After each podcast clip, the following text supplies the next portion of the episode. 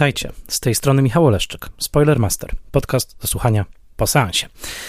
Witam Was w kolejnym odcinku podcastu, w którym opowiadam o kinie bez strachu przed spoilerami. Zapraszam do posłuchania odcinka, jeżeli widzieliście już film, o którym mówię, ewentualnie jeżeli nie boicie się spoilerów.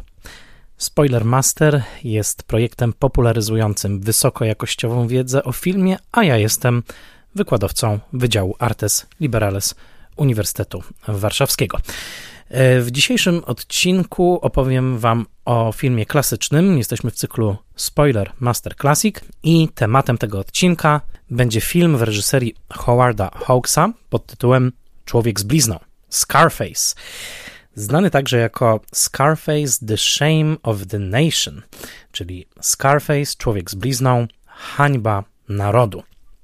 To jest film, który swoją premierę miał w roku 1932, a zatem mówimy o filmie już ponad 90-letnim, który za 9 mm, lat będzie obchodził swoje stulecie.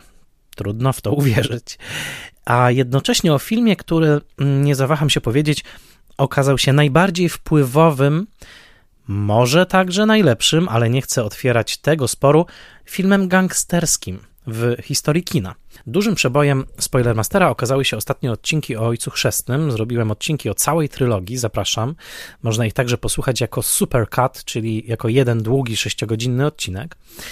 E, I mm, no to sprawiło, że zanurzyłem się znowu w tą gangsterską mm, tematykę. E, no i nieuchronnie mm, obejrzałem też ponownie wiele starszych filmów gangsterskich które przecież zasiały ziarenka pod to, co wspaniale rozkwitło w postaci arcydzieła Kopoli w roku 1972. Dzisiaj zatem cofniemy się wstecz od Ojca Chrzestnego o lat 40, bo od 72 do 32 i przyjrzymy się filmowi, który w dużej mierze skodyfikował gatunek. Dodam, że w momencie, kiedy nagrywam ten odcinek, y, Człowiek z blizną Hawksa jest dostępny do wypożyczenia w serwisie Apple TV. Mam nadzieję, że będzie szerzej dostępny, że jakaś platforma zdecyduje się e, zainwestować także w amerykańską e, klasykę w swoim abonamencie. Ja także przygotowując się do tego odcinka czerpałem z wydania Blu-ray tego filmu, które wydało brytyjskie wydawnictwo Imprint.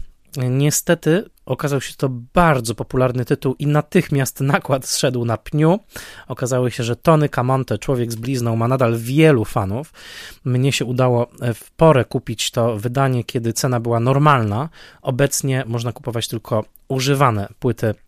Może imprint zrobi dodruk. Oby.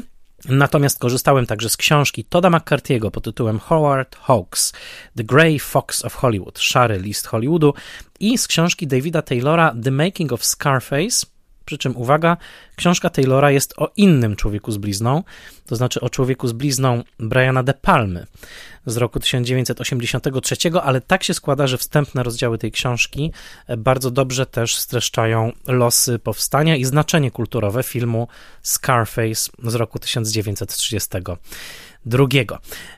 Notabene, zacznę od anegdoty, mianowicie wiele lat temu, pod koniec roku 2007, kiedy po raz pierwszy w życiu byłem w Nowym Jorku i spotkałem jednego ze swoich mistrzów, guru, niesamowitego erudyta filmowego, który nigdy nie został jakby przebity w moim, w moim umyśle jako ten, który naprawdę widział najwięcej i, i wie najwięcej o kinie. Myślę o Danie Salicie, późniejszym także reżyserze, między innymi filmu 14. E, e, po raz pierwszy wtedy się spotkałem też z taką właśnie szkołą nowojorskich kinofilów, roztrząsających, nie przesadzam, przez długie godziny, czy Hawks wczesny, czy późny, czy Raoul Walsh środkowy, czy ostatni film Walsha można zestawiać z pierwszym filmem Leo McCarreya i tak dalej. I pamiętam, że E, w pewnym momencie rozmowa, ja naprawdę chłonąłem tą, tą atmosferę, rozmowa zeszła na człowieka z blizną, padło słowo Scarface e, i szliśmy dalej w rozmowie i ja mówię, a Dan, ale masz na myśli, masz na myśli wersję Howarda Hawksa. A on mówi, e, inna wersja dla mnie nie istnieje, bo rzeczywiście wśród kinofili um, amerykańskich ta ta wersja De Palmy nie ma najwyższych e, notowań.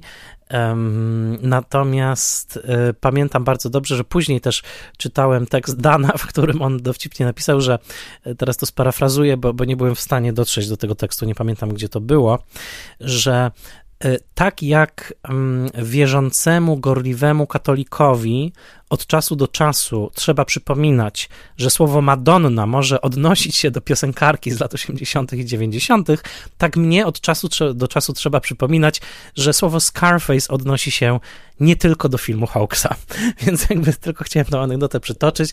E, a, a, a o tym, czy lubię e, film De Palmy i co o nim myślę i czy mam wobec niego jakieś plany, Y, powiem w ostatnim zdaniu dzisiejszego odcinka.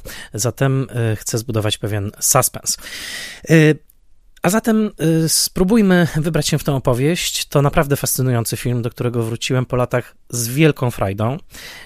Przypomnę tylko na początku, że tej audycji słuchacie w wolnym dostępie, bez żadnych paywalli, wyłącznie dzięki temu, że jest społeczność patronek i patronów, którzy wspierają ten wysiłek. E, można mnie wspierać w sposób ciągły i otrzymywać także bonusy z tym związane w serwisie patronite.pl, łamane przez Spoilermaster, a także, jeżeli nie możecie, nie chcecie wspierać w sposób ciągły, E, możecie mi postawić kawę.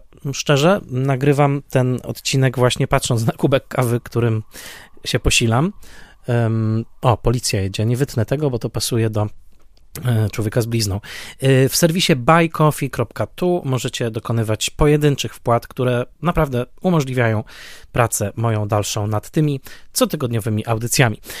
A zatem zanim zanurzymy się w świat Howarda Hughesa, Howarda Hawkesa, E, Armitage'a Traila, Paula Muniego i Ala Capone, e, chcę podziękować serdecznie tym patronom, którzy są patronami imiennymi i dzięki którym słuchacie teraz tej audycji. A zatem e, Agnieszce Egeman, Sebastianowi Firlikowi, Joannie i Dominikowi Gajom, Odjemu Hendersonowi, Beacie Hołowni, Adamowi Andrzejowi Jaworskiemu, Annie Jóźwiak, Tomaszowi Kopoczyńskiemu, Misiowi, Misiowej i Misiowi Juniorowi, Jakubowi Mrozowi, Iwonie Oleszczuk-Jaźwieckiej, Annie i Krystianowi Oleszczykom, Władimirowi Panfiłowowi, Tomaszowi Pikulskiemu, Weronice Więsyk, Jackowi Wiśniewskiemu, Michałowi Żołnierukowi i blogowi Przygody Scenarzysty prezentującemu analizy scenariuszowe.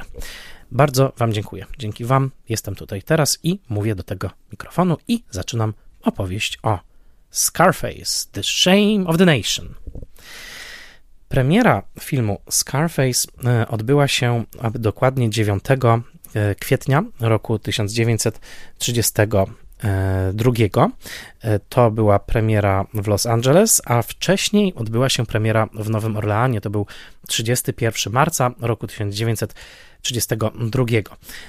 Genialny mm, człowiek, który był szefem promocji tego filmu, tak byśmy dzisiaj powiedzieli, Link Kwanberg, e, pracujący dla Howarda Hughesa, producenta tego filmu, wymyślił następujący chwyt reklamowy na tej premierze w Nowym Orleanie, to znaczy kopia filmowa na tę premierę e, kiedy już ludzie oczekiwali e, na film, na pokaz.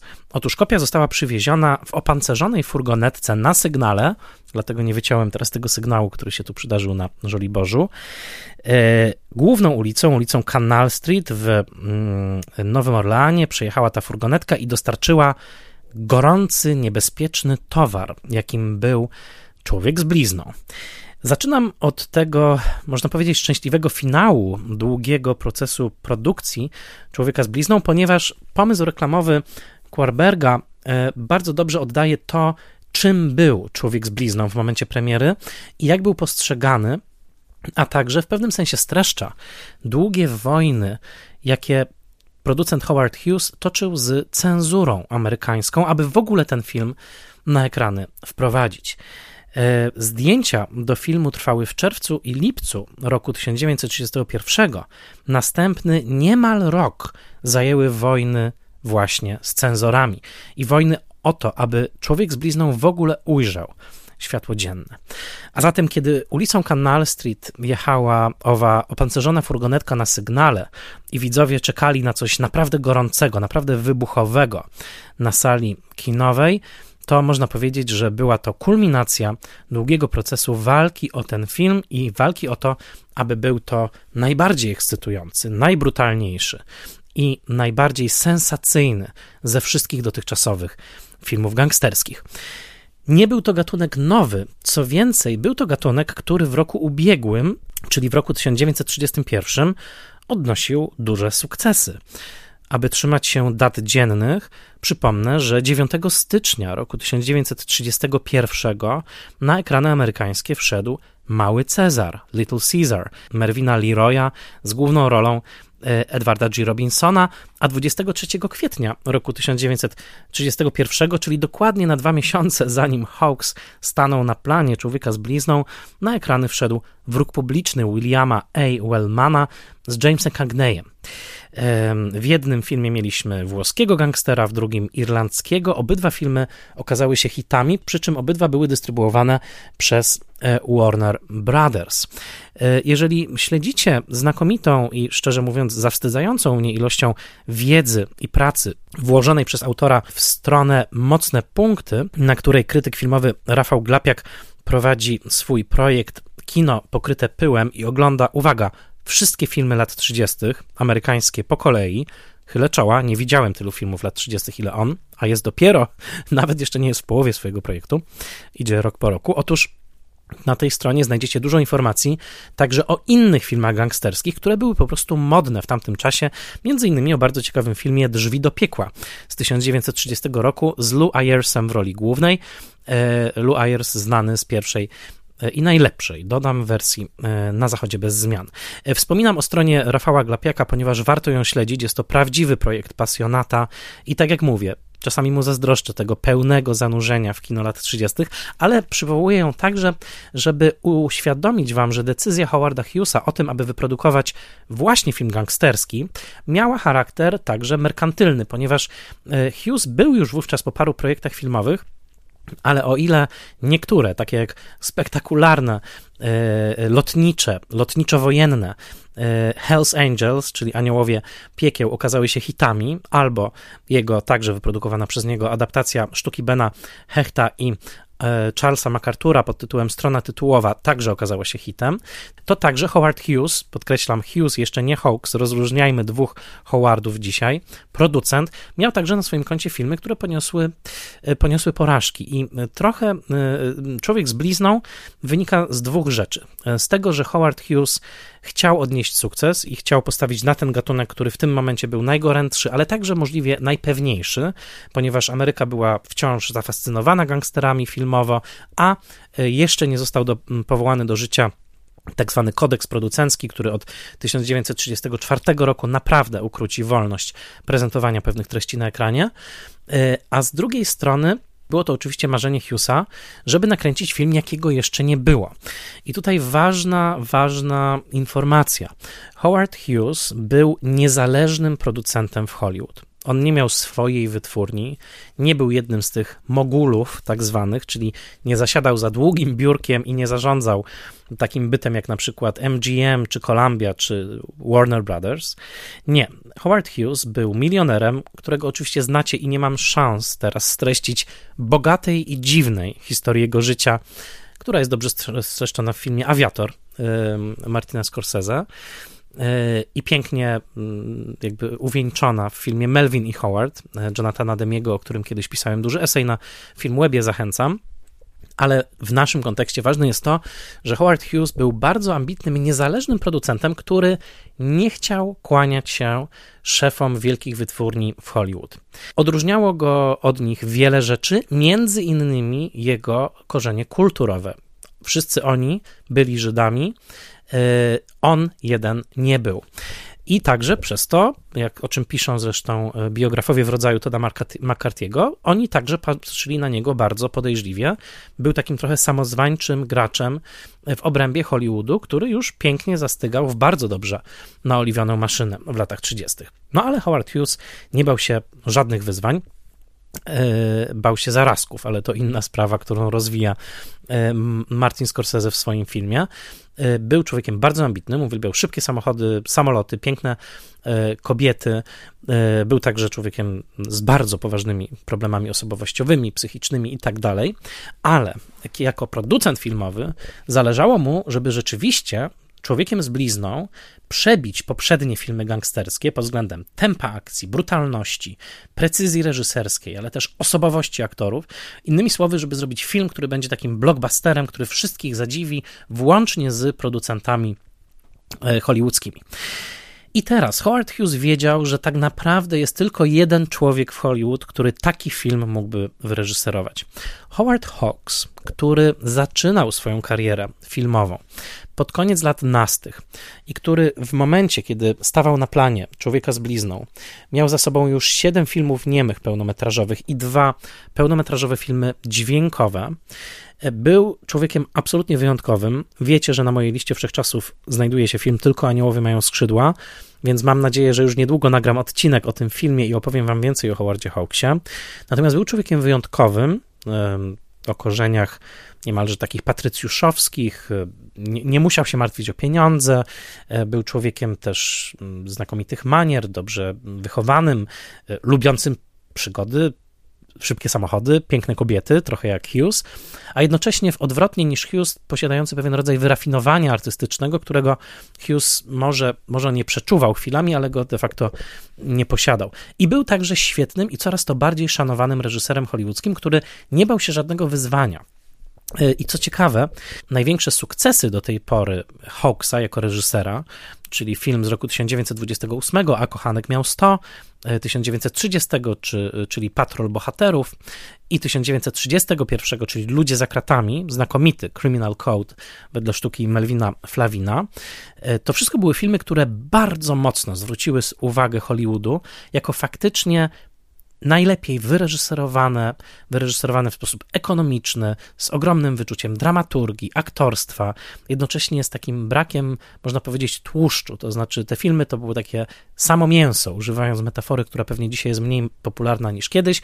W każdym razie te filmy trwały dokładnie tyle, ile powinny trwać, miały dokładnie to tempo, które zapewniało ekscytującą rozrywkę, często z drugim dnem i dawały fantastyczne okoliczności do pracy aktorom, a jednocześnie Hawks nie bał się żadnego wyzwania, ponieważ wyraźnie chciał podejmować wyzwania w różnych gatunkach. W późniejszej swojej karierze zrobi ikoniczne westerny, takie jak Rio Bravo, e, ikoniczne komedie muzyczne, takie jak Mężczyźni wolą blondynki, e, horrory, takie jak e, The Thing from Another World i tak dalej, i tak dalej. Natomiast w roku 1932, a właściwie pierwszym, kiedy to zaczyna się kręcenie człowieka z blizną, Howard Hawks był człowiekiem, który już był skłócony z różnymi producentami z tej właśnie hollywoodzkiej machiny.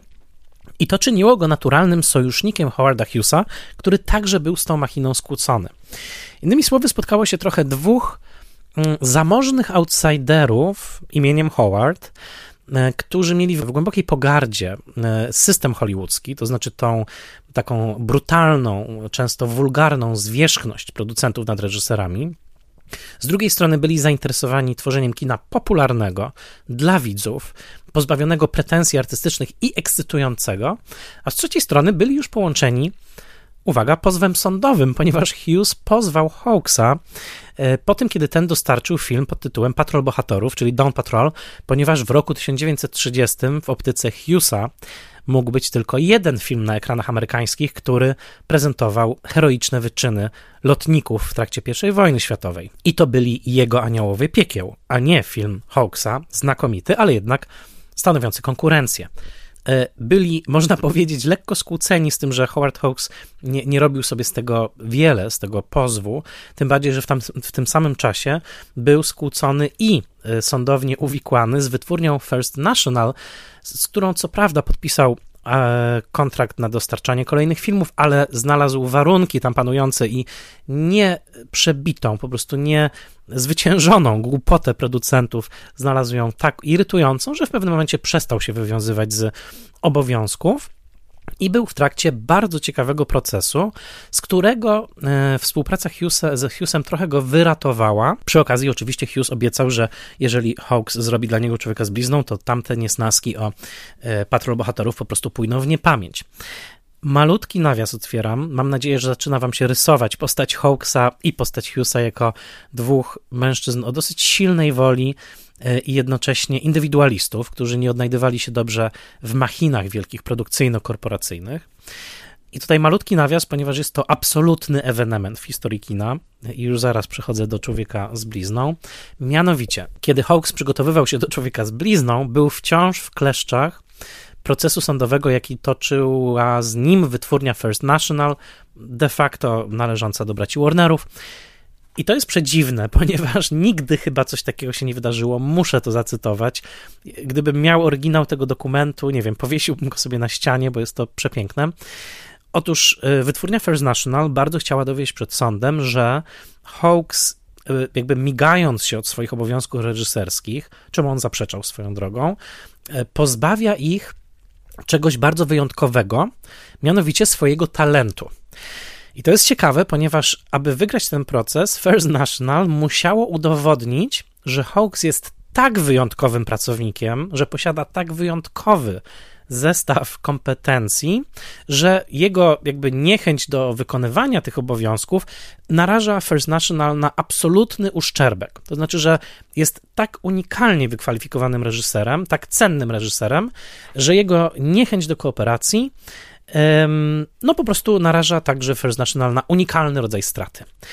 E, absurd, tak? First National dostarcza przed sąd kolejne zaświadczenia od słynnych reżyserów, producentów, przede wszystkim kolegów producentów, którzy poświadczają tak, pan Hawks ma tak wybitne, unikalne talenty reżyserskie, że jest jedynym takim reżyserem w Hollywood. I teraz co robi Hawks ze swoim adwokatem? Przygotowują długie pismo napisane cudownym prawniczym językiem, w którym stwierdzają kategorycznie, że Howard Hawks nie posiada żadnych wyjątkowych kwalifikacji, że jest szeregowym reżyserem, że nic, co on potrafi, jakby inaczej, wszystko, co on potrafi, potrafią także inni reżyserzy i twierdzenie, jakoby First National miałoby problemy, na przykład ze znalezieniem zastępstwa na jego miejsce, jest absurdalne, ponieważ on jest zwykłym szaraczkiem, który po prostu wykonuje tę ultra rzemieślniczą pracę, jaką jest praca reżysera, którą tak naprawdę niemal każdy może wykonać. Porozmawiajcie czasem z reżyserami, i zobaczycie, jak język tego pisma ma się do ich poczucia tego, jak, jako jest ich profesja. E, zacytuję małe fragmenty. E, cytuję to w moim przykładzie za obszernym, pełnym e, cytatem w książce Toda McCarthy'ego. Oskarżony zaprzecza, jakoby w przeszłości rozwinął albo posiadał jakąkolwiek metodę lub technikę reżyserowania filmów fabularnych i lub wykonywania innych czynności i obowiązków reżysera filmów fabularnych, które w jakikolwiek sposób byłyby unikalne dla niego samego albo szczególne dla niego samego, a także które nie mogłyby być zduplikowane przez jakiegokolwiek innego reżysera filmowego. Rzeczony oskarżony wypiera się, zaprzecza, jakoby posiadał jakąkolwiek zdolność, aby wykonywać jakiekolwiek specjalne czynności związane z reżyserowaniem filmu fabularnego w jakikolwiek sposób wykraczający poza normalne procedury reżyserowania i zaprzecza, jakoby usługi przezeń wykonywane miały owocować filmami szczególnie dobrymi albo utrzymanymi na szczególnie wysokim poziomie. Przyznacie, unikalny absolutnie dokument, w którym reżyser mówi: Absolutnie nie, jestem po prostu rzemieślnikiem i, i nie mówcie mi tu, że, że, że moje jakby usługi nie mogą być przez kogoś zastąpione. I w tym klimacie, tak, znaczy tutaj właśnie Hawks mocuje się z First National, przychodzi Hughes i mówi, słuchaj, ja ci pomogę, zrób, zrobimy najlepszy film gangsterski do tej pory, pokażesz im, ja im pokażę i zaczyna się wielka przygoda. Hughes postanowił, a Hawks mu przyklasnął, Mianowicie nakręcimy najbardziej brutalny i ekscytujący, najszybszy film gangsterski do tej pory. Pytanie, kto napisze scenariusz? Otóż za materiał literacki wyjściowy posłużyła powieść niejakiego Armitage'a Traila pod tytułem Scarface, która została napisana w roku 1929, wydana w 1930, była taką świeżynką i opowiadała o wciąż żyjącym wówczas gangsterze Alu Capone. E, przez całe życie, zwłaszcza jak byłem dzieckiem w latach 80., czytaliśmy to nazwisko Al Capone i pewnie jest to bliższe włoskim korzeniom. Faktem jest, że dla Amerykanów jest to Al Capone. E, Capone był e, gangsterem, oczywiście związanym w sposób legendarny z Chicago przede wszystkim, mimo że urodził się w Nowym Jorku, ale podążył do Chicago za swoim patronem i powiedzmy ojcem chrzestnym Johnem Torio. E, I oczywiście był gangsterem, który dorobił się na niesamowicie sprawnej korporacyjno-biznesowej strukturze, związanej przede wszystkim z handlem alkoholem w czasie, kiedy prohibicja w Stanach właściwie przez całe lata 20 tego handlu zakazywała, a z drugiej oczywiście na prostytucji, czego film nie mógł w żaden sposób poruszyć. Swoją drogą filmowi gangsterzy są tym sympatyczniejsi, im mniej zajmują się prostytucją, mimo że prawdziwi gangsterzy często się nią zajmują. E, przypominam, że rodzina Corleone absolutnie się nie zbrukała, prawda, zmuszaniem do nierządu, e, przez co tak bardzo ich lubimy. A co by było, gdybyśmy odkryli, że Don Corleone e, słynął na przykład z przemocowego traktowania kobiet pracujących w takich miejscach? No, może byśmy nie lubili tak bardzo tej rodziny, ale to jest oczywiście część filmowego oszustwa, które nas skłania do sympatyzowania z gangsterami. Powieść Armitage'a Traila która notabene słabo się zestarzała, bo nigdy nie była zbyt dobra literacko. Przeczytałem jej duże fragmenty, nie czytałem jej w całości. Jest to powieść napisana językiem bardzo prostym, wręcz chwilami banalnym. Nie ma żadnego takiego, y, takiej palpowej iskierki, można powiedzieć. Jest to po prostu prosta, sprawozdawcza powieść. Opisuje losy niejakiego Tony Scarface'a Guarino, potem w filmie to nazwisko jest zmienione na Camonte i głównym pomysłem tej powieści, oczywiście w głównym zarysie ona opowiada właśnie o tym y, karierze gangstera, ale głównym zamysłem jest to, że Tony Guarino ma mm, brata, który jest policjantem. I tych dwóch braci Guarino po prostu podąża absolutnie sprzecznymi e, ścieżkami. E, późniejszy wspaniały film Jamesa Greya, Królowie Nocy, rozwinie podobny wzorzec e, z Joaquinem Phoenixem oczywiście film. Natomiast to, co jest ciekawe, to to, że Trail, który notabene umrze młodo i nie doczeka nawet premiery filmu Człowiek z blizną, pisze o swoim Tonym Guarino jako o gangsterze, którego w dużej mierze uformowało już kino.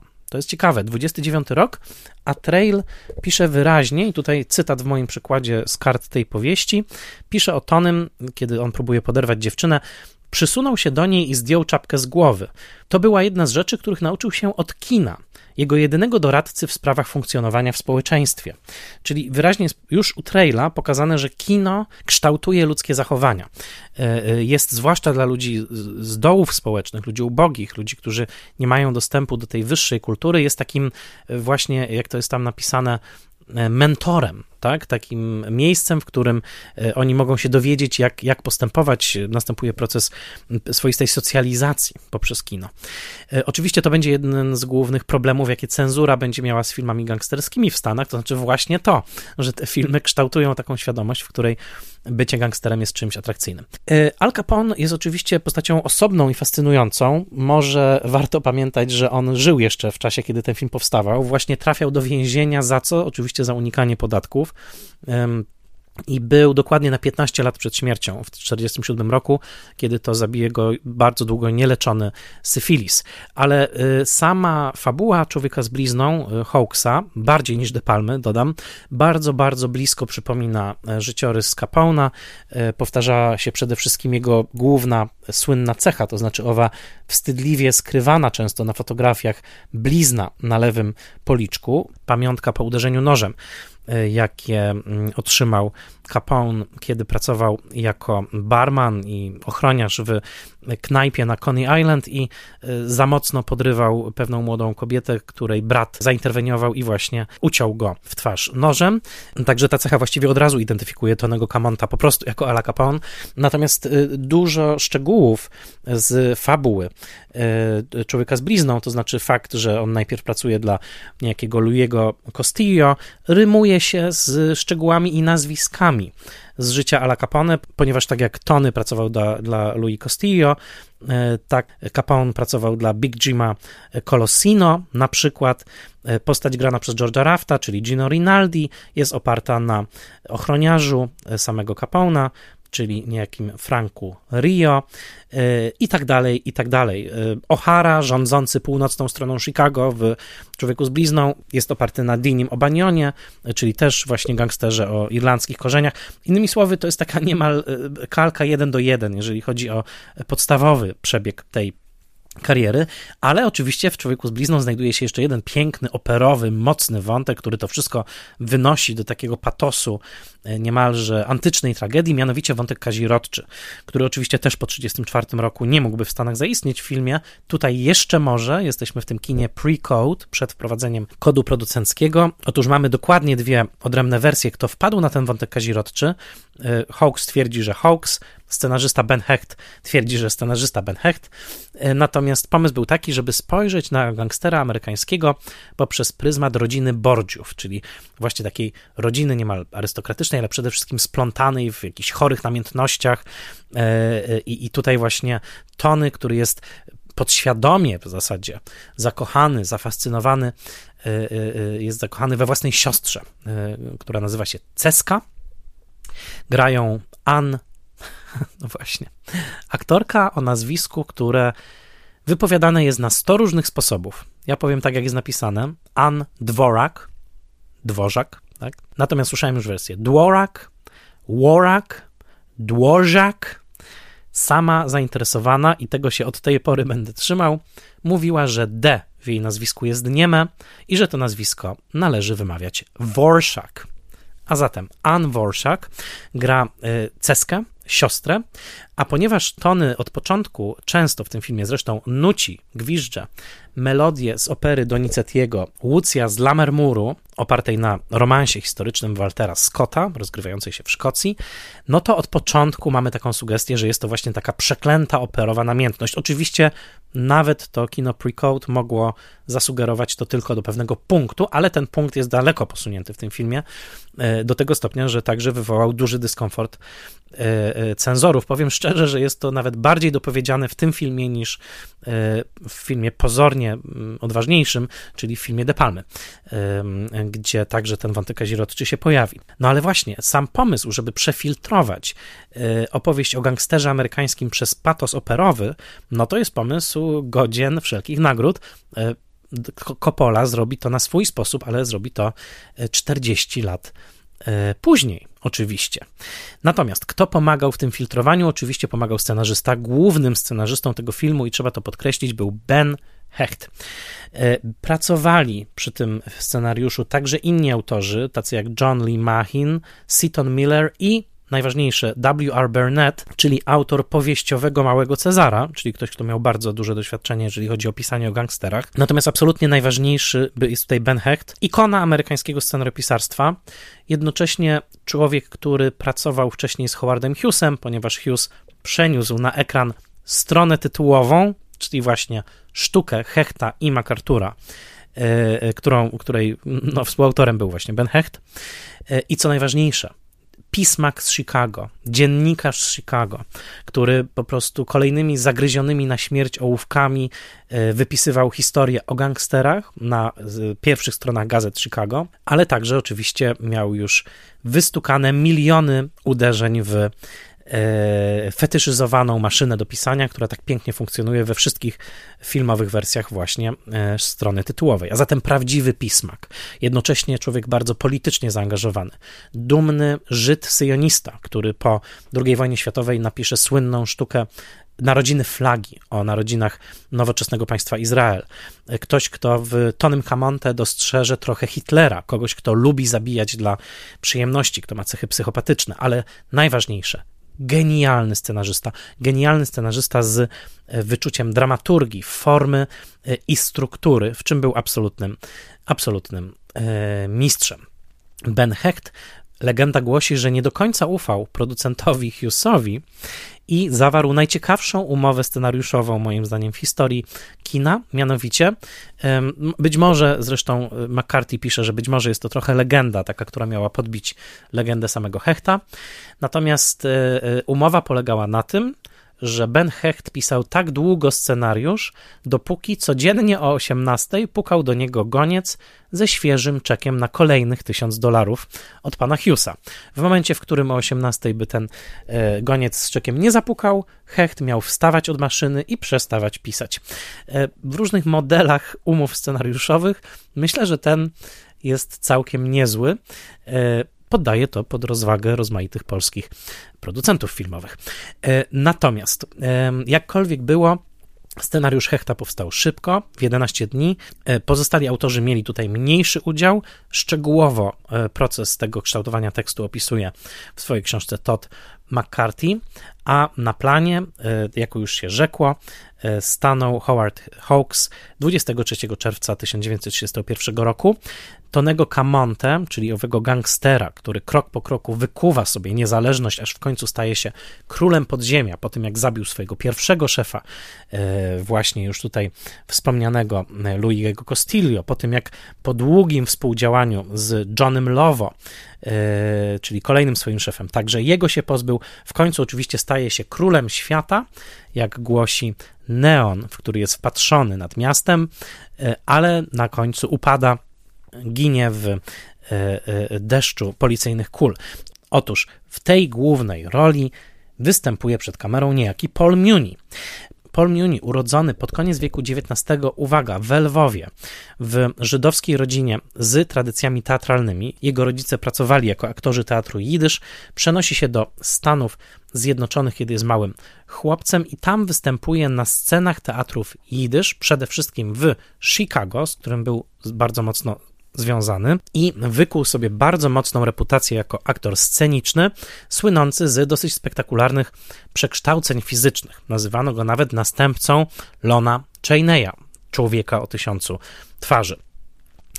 To, jak Paul Muni został wybrany do roli um, Ala Capone, chciałem powiedzieć, czyli Tonego Camonte, to jest przedmiotem kontrowersji. Hawks znowu tutaj sobie przypisywał tę, e, tę um, zasługę. Może jednak to pismo sądowe nawet na pewno było po prostu ściemą, ponieważ Hawks lubił przypisywać sobie różne zasługi, chyba że akurat potrzebował w sądzie troszkę inaczej zrobić. E, a inni mówią, że to właśnie Ben Hecht, który bardzo dobrze znał ten teatr jidysz, polecił Pola Muniego. Ale kluczowe jest to, teraz już przechodząc do samego filmu, że rzeczywiście obsada Pola Muniego jest genialna. Później Paul Muni dostanie Oscara za rolę bardzo szacownego obywatela, jakim był Louis Pasteur zagra równie szacownego autora, jakim był Emil Zola w filmie nagrodzonym Oscarem za najlepszy film Życie Emila Zoli. Ale tutaj, jako gangster Tony Camonte, Paul Muni prześciga swoich kolegów Edwarda G. Robinsona i Jamesa Cagneya o wiele długości, jeżeli chodzi o ukazanie powiem to, radochy z czynienia przemocy.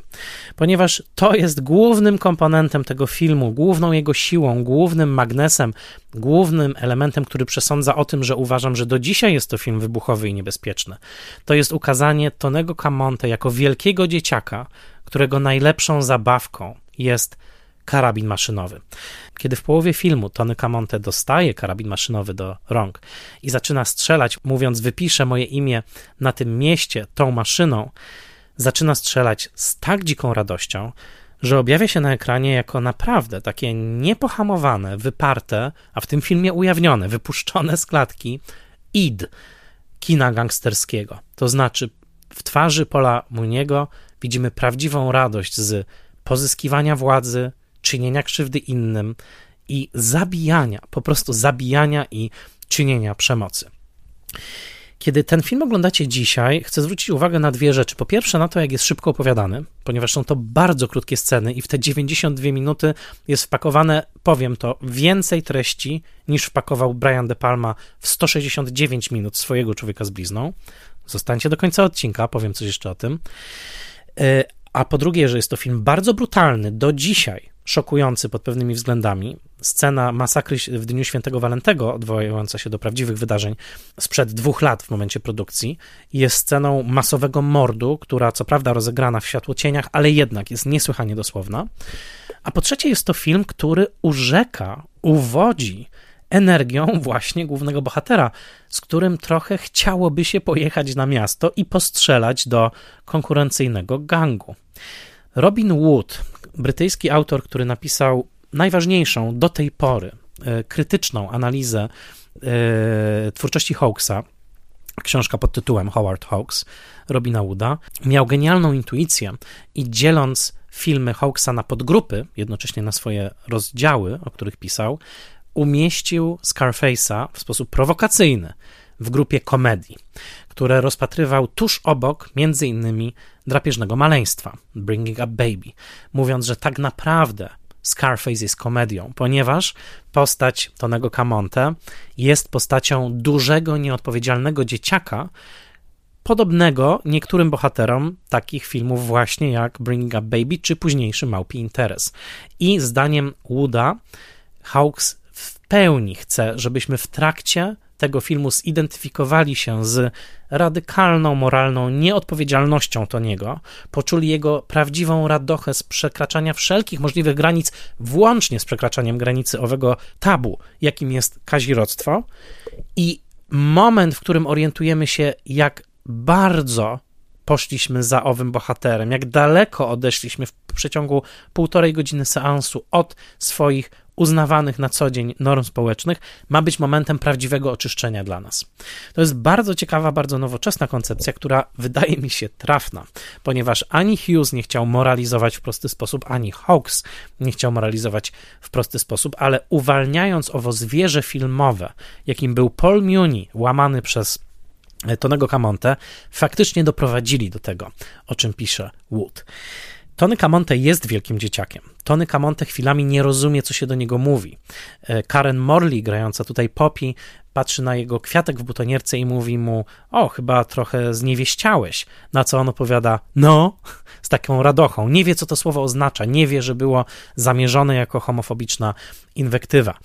E, Tony Camonte w tym filmie chce się nauczyć czegoś więcej. Idzie do teatru na sztukę Rain, wedle opowiadania Sadie Thompson, e, Somerseta Mona. E, ale i, i, widzimy taką, taką, takie narodziny jakiejś krytycznej świadomości, może nawet artystycznej w tym gangsterze, który pogwizduje sobie Łucję z Lamermuru. Mianowicie on zaczyna w pewnym momencie streszczać fabułę sztuki o Sadie Thompson i mówi o bohaterce jako o kimś, kto ma wybór i nawet mimo, że musi uciekać z teatru, bo wzywają go jego gangsterskie obowiązki, dopytuje się jednego ze swoich współpracowników, aby koniecznie do, został do końca i powiedział mu, jak ta sztuka się kończy. Jednocześnie sam Tony nie orientuje się, że uczestniczy w tragedii własnego życia, w którym trzeci akt musi przynieść porażkę zgodnie ze wszelkimi e, prawidłami, także antycznej e, tragedii. A zatem ze wszystkich filmów gangsterskich, zdecydowanie wszystkich filmów gangsterskich lat 30., myślę, że także ten film wytrzymuje porównanie z wieloma późniejszymi filmami. Ten jest filmem najbardziej amoralnym, najbardziej ekscytującym, najszybszym. Filmy gangsterskie później bywają o wiele dłuższe. Odsyłam do i Scarface'a późniejszego, i Ojca Chrzestnego, a jednocześnie jest to film genialny na poziomie poszczególnych scen. I oczywiście teraz nie ma, nie mam przestrzeni, żeby analizować każdą scenę w tym filmie. Polecam dostrzeżenie takich szczegółów, jak na przykład pokazywanie przemocy poprzez jej następstwa. To znaczy, widzimy kolejną scenę wymuszenia, kiedy to Tony Camonte podróżuje po Chicago i podporządkowuje sobie kolejne szynki, bary sprzedające nielegalną wódę i widzimy bar barmana, który trzyma oko, tak jakby ktoś przed chwilą uderzył go w oko. E, taki cios nie mógł być pokazany na ekranie, wówczas byłby zbyt drastyczny, ale samo to, że on trzyma tak bolejące oko ręką, już nadaje tej sceny ogromną, ogromnej siły. Ale jeżeli chcecie przekonać się o prawdziwym kunszcie reżyserskim Hawksa, jeżeli chcecie poczuć, dlaczego Hughes go zatrudnił i dlaczego cytowany wcześniej dokument sądowy był wierutną bzdurą, przyjrzyjcie się pierwszym minutom tego filmu. Nie mówię o czołówce, w której po raz pierwszy pojawia się notabene znak X, który potem pojawi się w filmie ponad 25 razy, zawsze zwiastując śmierć. To taki ciekawy, wizualny motyw. Możecie się uczynić z tego jakiś taki drinking game. Ile razy zobaczycie X, wypijcie e, shota, e, nie próbujcie tego w domu. Nie, nie, zachęcam do tego, ponieważ nie dotrwacie do końca seansu, będziecie tak e, pijani. Natomiast nie chodzi mi o czołówkę, chodzi mi o pierwsze 3 minuty i 20 sekund, to znaczy pierwsze de facto ujęcie tego filmu. Ruchome ujęcie, nieprzerwane, bez ani jednego cięcia, kiedy to kamera zaczyna na zewnątrz, co prawda jest to też scenografia, ale jesteśmy na ulicy, widzimy pierwszy X, to znaczy skrzyżowanie y, szyldów ulicznych, kamera opuszcza się w dół, widzimy y, y, woźnego, który sprząta po jakiejś suto zakrapianej imprezie i z tym woźnym wchodzimy do klubu, który jest cały zasłany serpentynami, e, te serpentyny zewsząd spływają, woźny zamiata, e, znajduje wśród serpentyn, uwaga, biustonosz, nie do pomyślenia po 1934 roku, i urwany obcas kobiecy, który, co ciekawe, wkłada do kieszeni. Ciekawe po co? Na później, w ramach fetyszu, to jest sugestia tego, tej sceny. Jesteśmy naprawdę już od początku w, na terenie filmu dla dorosłych. E, idziemy dalej za tym woźnym sprzątaczem i odkrywamy wielki stół, przy którym siedzi nikt inny jak Louis Castillo, grany przez Harego J. Vedjara, który jedna z pierwszych rzeczy, jakie robi w tym filmie, odbija mu się. Słyszymy głośne odbicie się, czknięcie. Znowu rzecz nie do pomyślenia po 1934 roku.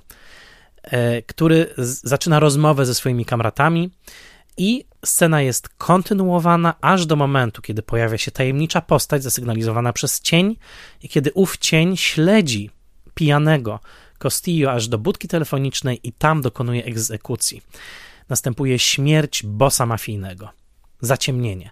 Pierwsza scena opowiedziana w 3 minuty i 20 sekund, ruchomą kamerą, z niebywałą choreografią, kamery, postaci, oświetlenia i z małym smaczkiem dla takiego fana świateł wielkiego miasta, jakim ja jestem.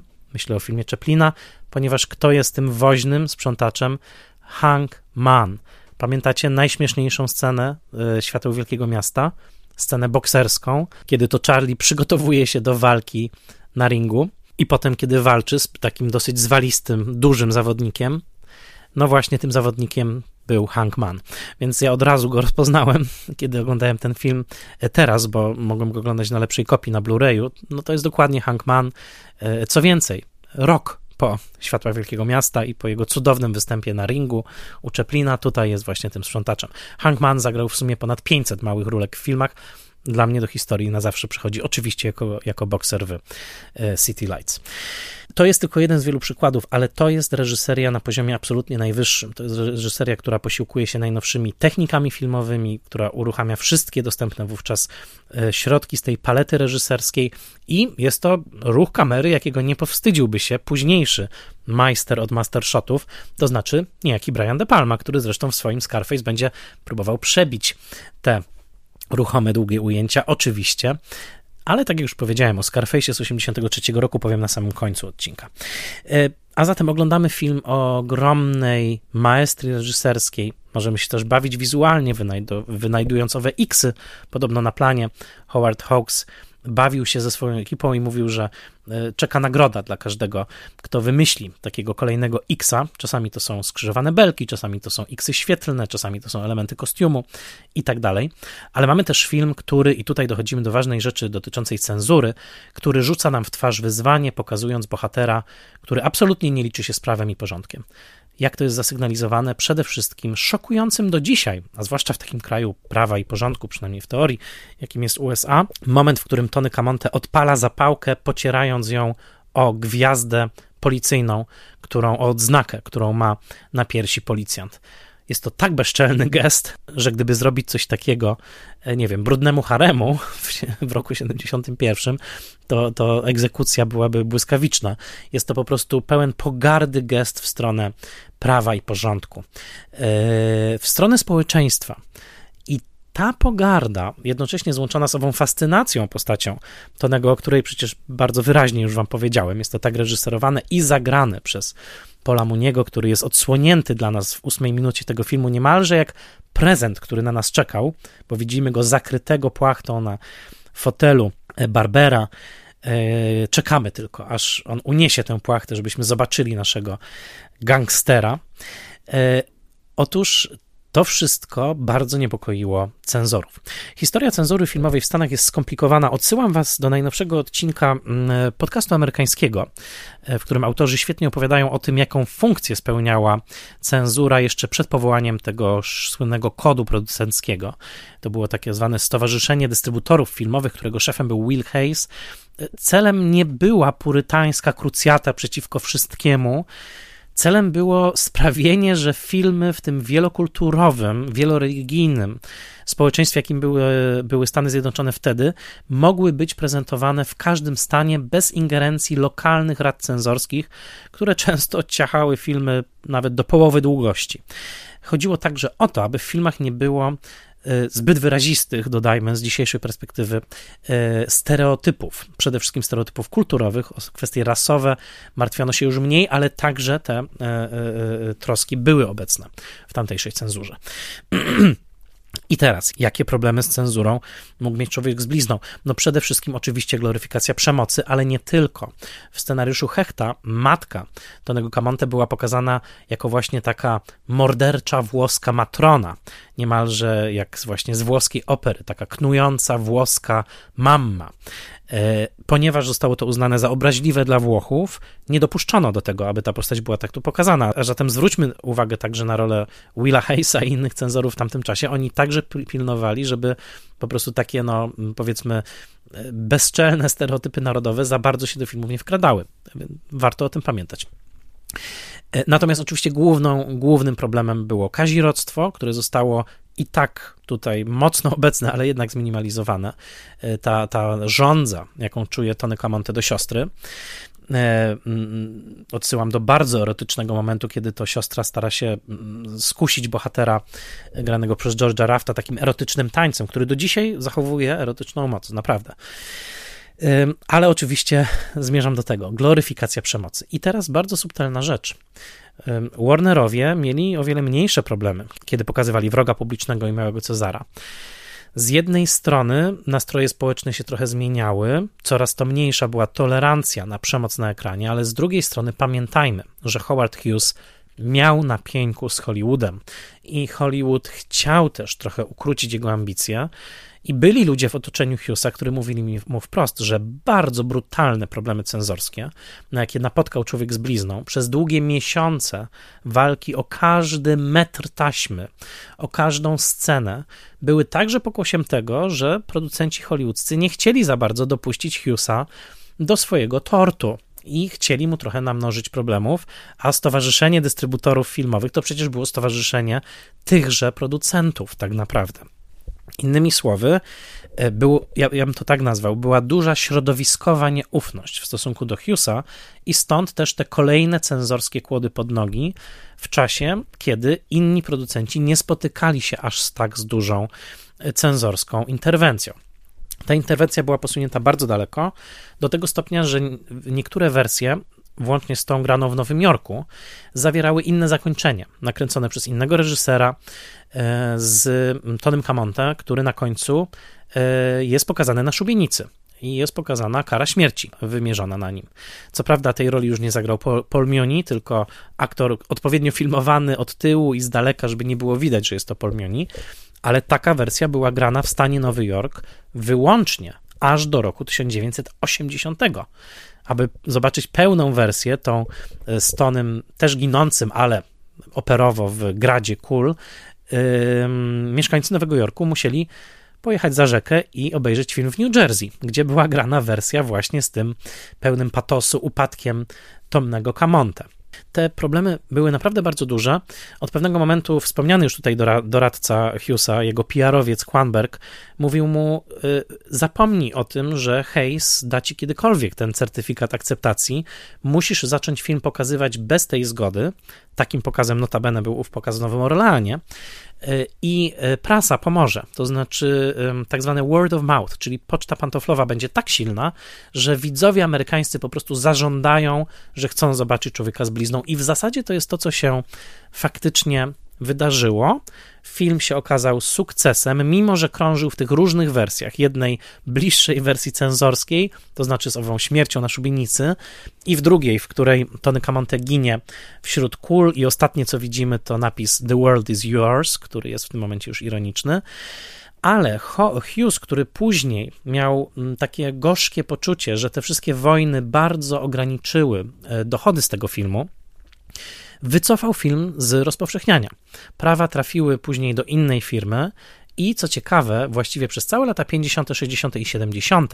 w Stanach nie ma pokazów Człowieka z blizną Hawksa. Są tylko pokazy jakichś trzeciorzędnych kopii 16 mm. Ewentualnie można ten film obejrzeć w Europie. Natomiast dopiero w momencie, kiedy Universal zakupuje całą bibliotekę Hughesa, rok 79, film wraca na ekrany. Jest pokazany na festiwalu nowojorskim, New York Film Festival, co ciekawe, jest to pierwszy pokaz człowieka z blizną na terenie Nowego Jorku w wersji nieocenzurowanej, 79 rok. I co się wtedy dzieje? Al Pacino idzie sobie ulicą, patrzy, o, Scarface, zawsze słyszałem o tym filmie, ale nigdzie nie można było go zobaczyć. Może warto ten film obejrzeć. Al Pacino wychodzi z filmu zdruzgotany, jest zafascynowany rolą Paula Muniego. W tym samym czasie film ogląda Martin Bregman, czyli producent, któremu marzy się kolejna wspaniała współpraca z Pacino. Pracowali między innymi przy e, Pieskim Popołudniu, odsyłam do odcinka. No i jeden dzwoni do drugiego. Słuchaj, może byśmy zrobili nowego człowieka z blizną.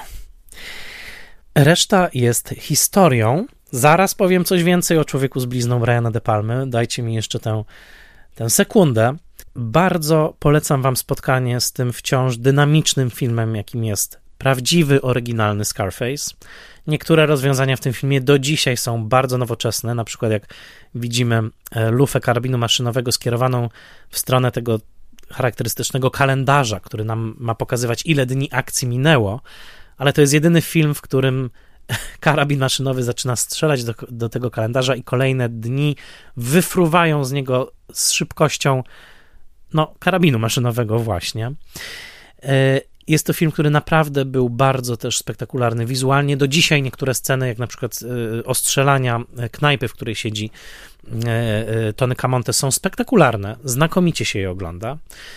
W trakcie kręcenia tej sceny, tej połowy tej sceny, w której było właśnie dużo kul latających po planie, notabene oko stracił nikt inny jak brat Harolda Lloyda, niejaki Gaylord Lloyd, podaje tę przykrą informację, ale podobno spojrzał wtedy, kiedy Hawks mówił, żeby nie podnosić głowy.